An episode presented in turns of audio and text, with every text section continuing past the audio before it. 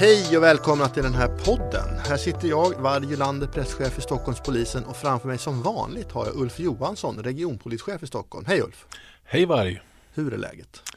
Det är bra. Det är höstlov den här veckan och jag tänkte ta någon dag lite senare i veckan. Ja, och det är en bra höstlov för det är fint väder fortfarande. Solen lyser fortfarande på oss men jag hörde att det ska börja snöa. Så när det här går i luften, den här podden, så kanske det snöar där ute. Ja, härligt. Mm.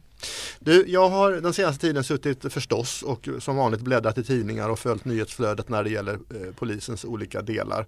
Och som vanligt så förekommer vi polisverksamheten jämt, jämt, jämt. En sak som jag har sett nästan varje dag den senaste tiden det är om bedrägerier. Eh, hur lätt bedragna människor verkar vara och hur polisen kämpar med dessa utredningar. Vad, vad, hur ser du på det där? Ja, man kan ju säga att eh, det är ett stort problem för oss. Eh, brottsligheten ökar. Det är väl den brottstyp som ökar mest för oss. Eh, och det är må väldigt många som blir lurade dagligen. Men jag tänker att det tar ju väldigt, väldigt mycket resurser. Eh, hur ska man göra då? Ska vi bara låta det här vara eller ska vi verkligen lägga all den här tiden och energin på att utreda de här brotten tycker du? Nej, jag tror vi måste tänka nytt i den här frågan och jag tror framförallt att vi bör fundera på lagstiftningsfrågan. Eh, den är viktig och den har vi särskilt ljus på nu. Eh, det andra som är viktigt är de brottsförebyggande åtgärderna och där har vi ett gäng hos oss som gör ett fantastiskt arbete ute i media nästan varje dag. Mm. Eh, vårt nationella bedrägericentrum och så vidare. De gör jättebra jobb i vardagen. Mm. Men du, jag tänker när du säger lagstiftning, vad är det man skulle kunna förändra som skulle förbättra åtminstone för polisen? Då? Nej, men jag tror man måste titta på vad, vad, vad ska vara straffbart, vad ska inte vara det? Kan man förenkla processerna på något sätt? Det finns en massa att titta på och det gör våra bästa nu. Ser vilka områden vi skulle kunna ändra på. Men menar du att man ska göra vissa saker mer eller mindre lagligt för att vi ska slippa utreda dem? Och, eller vadå? Hur? Ja, och kanske att andra ska utreda vissa saker och, och vi utreder det vi ska göra inom polisen. Då. Så att, eh, det är en viktig fråga om vi ska mäkta med det här framöver. Men du tror inte att man kommer känna sig liksom, vad ska jag säga, lämnad därhän om man blir, ut, man blir blåst på nätet, polisen utreder inte. Så kan det kännas ibland. Ja, jag tycker fortfarande vi ska stå till tjänst med, med stöd och, och service men, men eh, vi måste också ge enskilda människor ett större ansvar för sina handlingar utifrån de informationer som vi ger på olika sätt. Mm. Vad man brukar säga om det där, att om det är för bra för att vara sant så är det inte sant.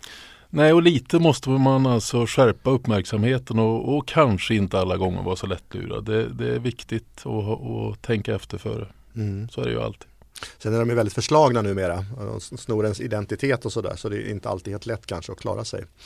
Men du, eh, som sagt medierna har varit fulla både det ena och det andra eh, polisiärt. Eh, något som också har förekommit den senaste tiden, ja som alltid ska vi säga, det är eh, några, några mycket grova eh, våldsbrott mot kvinnor. Det här är ju en, en, mycket aktuell fråga nu eller har alltid varit. Hur ser du på detta? Vi har haft en del dödsfall, alltså en del eh, så eh, grova, grov, grovt våld att, att en, kvinnor har avlidit. Hur, hela den här frågan, hur ser du på den? Ja, när det gäller våld mot kvinnor och barn så är det ju vår absolut viktigaste fråga att göra saker eh, gentemot. Vi lägger väldigt mycket resurser i, i de här delarna. Det jag tror är viktigt är att fokusera mycket, mycket mer på gärningsmannen. Eh, restriktioner. Eh, varför ska till exempel en, en eh, kvinna behöva flytta för att en man har, eh, är dömd för hot eller våld mot en kvinna?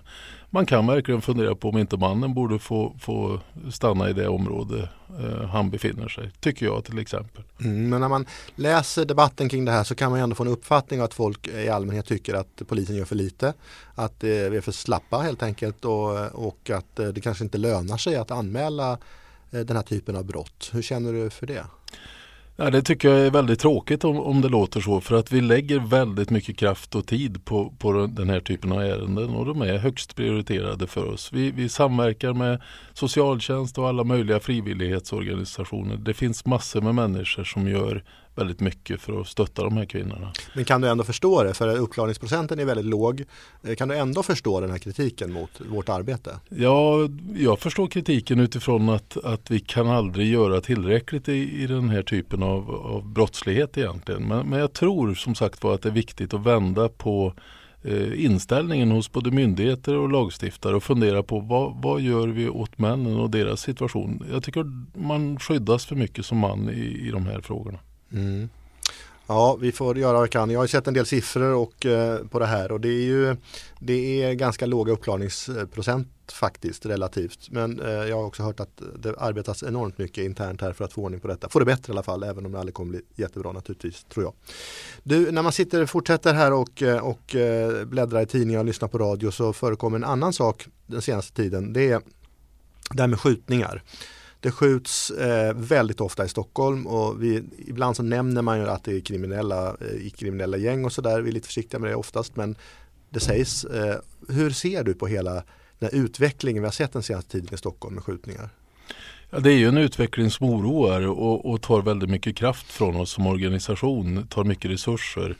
Eh, ofta unga män, eh, lättkränkta, eh, bra tillgång till vapen och, och, det kan vara ganska triviala saker som gör att, att man tar till våldet. Eh, allt från något svartsjukedrama till något territorium i, i någon lokal del som, som kränks. Eh, det, där, eh, det där är en utveckling som vi absolut tar på största allvar. Men eh, det riktas ju även i den här frågan kritik mot att vi faktiskt inte tar de som gör det, att det pågår i de, det som vi kallar för de särskilt prioriterade områdena. Eh, en del använder till och med begreppet laglöst land. Är det det? Nej, det skulle jag inte säga. Vi, vi lägger eh, väldigt mycket resurser för att se till att de här skjutningarna inte ska inträffa. Och när de har inträffat så lägger vi väldigt mycket resurser just på att utreda de här brotten för att de är så viktiga för oss att klara upp. Eh, problemet vi har är ju att eh, knappt någon vill prata med polisen och, och, det måste vi jobba på så att vi får ett förtroende och en tillit i, i, på de här, eh, i de här områdena och bland de här personerna. Och det är en väldigt långsiktig fråga mm. som kräver väldigt mycket från oss. Kommer vi, kommer vi få det? Kommer vi få tillit, ja, jag hoppas tror och tror det. Genom en, en långsiktig närvaro eh, i särskilt prioriterade områden så tror jag vi kan få det tillsammans med övriga samhället. Det är många aktörer som måste vara med och jobba i den här frågan. Mm. Du, allt vi har pratat om så här långt det är ju resurser, resurser, resurser. Den eviga frågan för polisen att vara tillräckligt många personer eller tillräckligt många anställda, både civila och poliser. Eh, kommer det här någonsin, kommer någonsin komma ifatt? Det är naturligtvis så att vi, vi är bottenlösa i resursdiskussionen och, och, vi måste å ena sidan då eh, göra det bästa av, av den resurs vi har. Men sen jobbar vi hårt på att förstärka oss i olika delar och då är det både poliser och civila vi vill ha in på olika platser för att kunna ha en bra dräglig tillvaro i, i brottsbekämpningen. Mm, fast det där låter ju lite svagt ändå. Alltså, vad, vad, vad tycker du? För det är uppenbart att vi inte hinner med allting. Det är verkligen uppenbart. Det är stora utredningar, det är mer komplicerat. Det är en evig, evig kamp om resurser. Eh, vad, hur, från hjärtat, kommer vi, hur fixar vi det här egentligen? Eh, jag tror just det att, att vi jobbar på att öka resursen polisiärt. Vi har 1500 poliser på väg in till 2020. Vi har 1300 civila under nästa år som ska eh, göra goda saker i verksamheten både som experter och eh, som eh, administrativt stöd. Men sen ligger det naturligtvis mycket i att vi måste prioritera. Vi måste vara jättenoga i våra prioriteringar för där någonstans kommer det att avgöras. Men tror du att vi kommer, förresten jag bara kolla en sak, när du säger siffrorna så pratar du om hela landet va? Hela landet. Ja, just det, för du är ju regionpolischef i Stockholm här Ulf Johansson. Jag vill bara poängtera det för lyssnarna att siffrorna gäller då hela landet. Ja. Uh, Ulf Johansson, regionpolischef i Stockholm, när man pratar om resursen och det är uppenbart att vissa brott kommer att nedprioriteras. Kan du se folk i ögonen och säga att det här kommer vi inte fixa? Hur, hur, hur funkar det för dig? Ja, vi måste ju fundera eh, stenhårt på prioriteringen och, och, då är det naturligt att vi måste börja med de grövsta brotten och, och vardagsbrotten blir till viss del nedprioriterade under tid.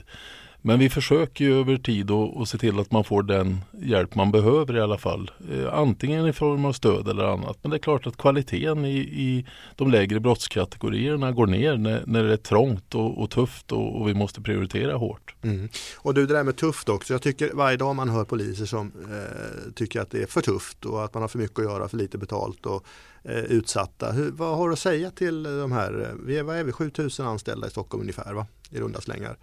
Eh, alla sliter eh, enormt hårt.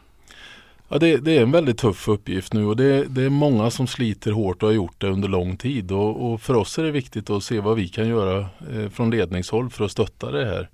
Det det framförallt handlar om det, det är resurserna, det är prioriteringsordningen, det är att ta riktigt allvarligt då på den lönerörelse vi står inför. Men det är också ett antal arbetsmiljöfrågor och annat som vi försöker att jobba med för att eh, vardagen ska bli bättre för våra anställda helt enkelt. Men vi hör ju faktiskt, eh, en del poliser är rasande. Det är inte bara så att man är missnöjd, man är rasande på sin, sin arbetssituation. Det handlar om arbetstider, lön och allting. Vad, när du åker ut och träffar polisanställda i, i Stockholm, vad, vad möts du av? Jag tycker dels möts jag av eh, personal som vill göra ett gott jobb, som verkligen brinner för sitt jobb. Och jag tycker vi har bra, en bra dialog när, när jag träffar dem ute i vardagen eh, om problematiken. Det vi kan göra det är ju att vi kan eh, lyssna eh, och göra sånt som vi ser kan göra en skillnad för vår personal i, i vardagen. Och det försöker vi fånga upp. Och successivt ta steg efter steg. Det är ju inte ett genidrag som löser den här problematiken utan det är många, många små insatser varje dag egentligen från väldigt många olika personer. Så vi jobbar tillsammans mot, mot en förbättring helt enkelt. Mm, för det man ofta pratar om numera, internt i alla fall, det är att det är medarbetardrivet det vi sysslar med. Vad betyder det egentligen? Ja, det betyder egentligen att, att eh, kort och gott att mera inflytande till våra medarbetare. Det är målsättningen med det medarbetardrivna. Men hur, vad, hur går det till då? Ja, man kan väl säga att eh, polisen har under många år varit förhållandevis toppstyrd och det bestäms mycket högt upp eh, politiskt eh, i ledningsskikterna eh, och så vidare. Vi försöker att, att fördela ut mandatet så man ska kunna styra sin vardag mer det där tar tid givetvis för, för det, det, är inget man ställer om på, på en kvart direkt sådär utan det, det tar sin stund. Men vi jobbar stenhårt för det. Vi tror på att det ledarskapet är betydligt bättre än eh, det andra. Mm. För det finns nog många som skulle i och för sig idag vittna om att det inte är medarbetardrivet, det hör man ju. Uh, och, men hur, hur, nu säger du att det kommer ta tid och så, men va, på vilket sätt kan du verkligen, hur kan du lova medarbetare eller polisanställda inom Stockholm att de får vara med och bestämma? Hur ska det gå till? Ja, du säger att, att det är många som vittnar om, om toppstyrningen. Det är också många som vittnar om att det medarbetardrivna fungerar. Jag hör många arbetsplatser där man har lyckats med det här. Man har en lokal problembild, vad den då kan bestå i och, och man tittar gemensamt på i gruppen eller enheten man är på. Vad gör vi åt det här och hur kan vi påverka?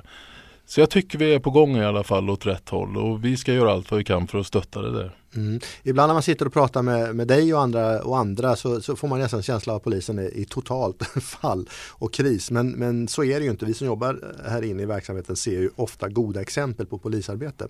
Jag tänker, jag satt här och bläddrade i tidningen för, eh, var väl igår eller möjligtvis i förrgår och läste en, en historia om ett, eh, en, en eh, gymnasieskola här i Stockholm där polisen ganska snabbt agerade i något som för, såg väldigt allvarligt ut. Det var hot om en så kallad skolskjutning det var ett antal ungdomar som satt på, eh, på i social media och, och skulle eh, så hade hotat helt enkelt sina kompisar och, och, personalen och polisen kom och avbröt det där inom en halvtimme tror jag det var. Känner du till det här ärendet? Ja, jag känner till det. Föredömligt agerat, snabbt, kraftfullt och det är just det jag vill liksom lyfta fram. Det operativa arbetet fungerar allra oftast väldigt, väldigt bra i Stockholm tycker jag. Men det här skulle man kunna tänka ett rent pojkstreck. Ska man lägga så mycket energi på det tycker du? Ja, man måste ju ta höjd för det värsta och när det kommer sådana här signaler så agerar vi helt enkelt. Och det gjorde man i det här fallet på ett alldeles utmärkt sätt. Mm. Mycket bra jobbat. Bra, det är inte avslutat än, vi får se vart det tar vägen. Eh, en annan sak som tar mycket resurser och som man också kommer att se mycket mer eh, framöver nu när vi går in i valtider framöver, framöver här så är det demonstrationer, demonstrationstillstånd och, och, manifestationer och det finns ju alltid en diskussion om hur, poli, hur kan polisen tillåta den här organisationen att manifestera just här. Eh, kan du förklara det för, för de som lyssnar, hur det där går till egentligen? Ja, demonstrationsrätten är ju grundlagsskyddad och, och, det är polisens uppgift att se till att, att man kan uttrycka sin mening på olika sätt. Och ibland kan ju det se väldigt märkligt ut men vi förhåller oss neutrala till det och fullföljer vår uppgift och, och ser till att de här demonstrationerna kan genomföras oavsett åsikt, oavsett eh, vilken inriktning man har på det. Men kan du förstå att det är konstigt, en del tycker att det är konstigt att man skyddar det som det kallas ibland mörka krafter och sen så, eh, så griper man och för bort dem då, då som försök tillhör, som vissa kallar de goda krafterna. Hur ser du på det? Ja det är ju framförallt demonstrationsrätten som vi skyddar och, och, den är ju viktig för ett land, otroligt viktig att skydda. Eh, och det, I förlängningen är ju det det enda raka, det enda vi kan göra om vi ska upprätthålla våra värderingar i, i Sverige. Mm. Det är, alltid ett, det är alltid ett pedagogiskt problem tycker jag att förklara det när man, eh, när man, eh, när man pratar om det.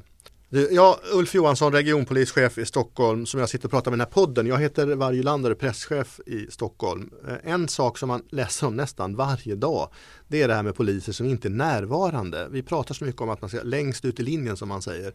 Och sen hör man om att det läggs ner polisstationer en dag efter den andra. Va, hur, det här med polisstationer, det är så viktigt för medborgarna. Varför har vi inte polisstationer precis överallt? Ja, vi menar ju att stationen är ju en sak och, och, den fysiska närvaron är en annan sak när det gäller polisverksamhet. Och, och, nu vill vi inte låsa fast folk i lo lokaler. Vi har gjort det under en mängd år.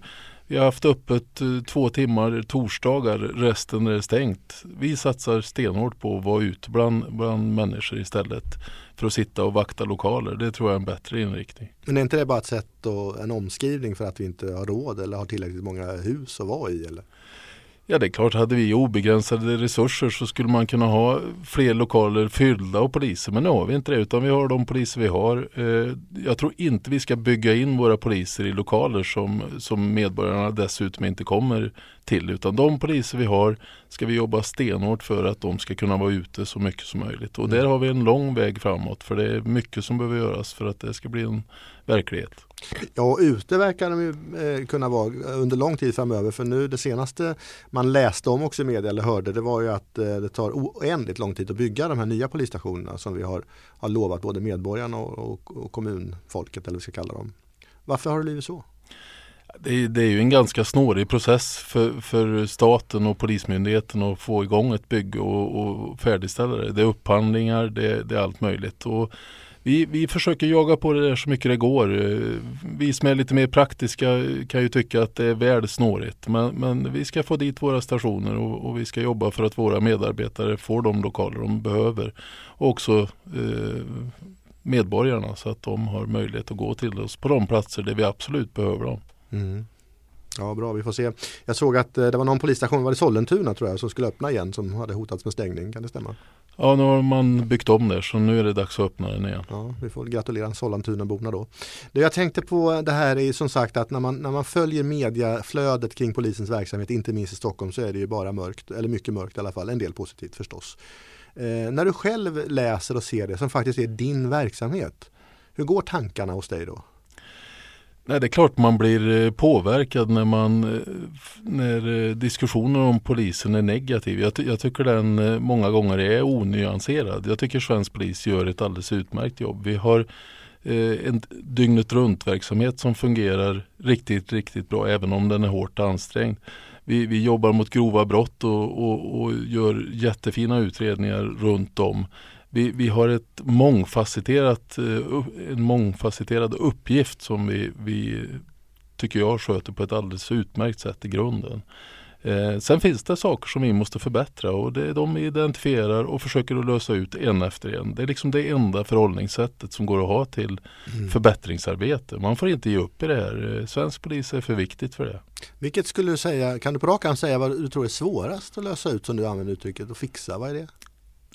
Över tid har det väl visat sig att vi har svårast att vara eh, en tillräcklig resurs längst ut hos medborgarna. Eh, synliga på gator och torg på ett sätt som är effektivt med den resurs vi har. Det, det är vår stora utmaning skulle jag säga. Mm. Ja, det, ni som har lyssnat har lyssnat på Ulf Johansson. Han är regionpolischef i Stockholm. Och jag som har frågat och lyssnat heter Varje Lander presschef i regionen. Eh, tack Ulf för att du kom hit. Tack så mycket.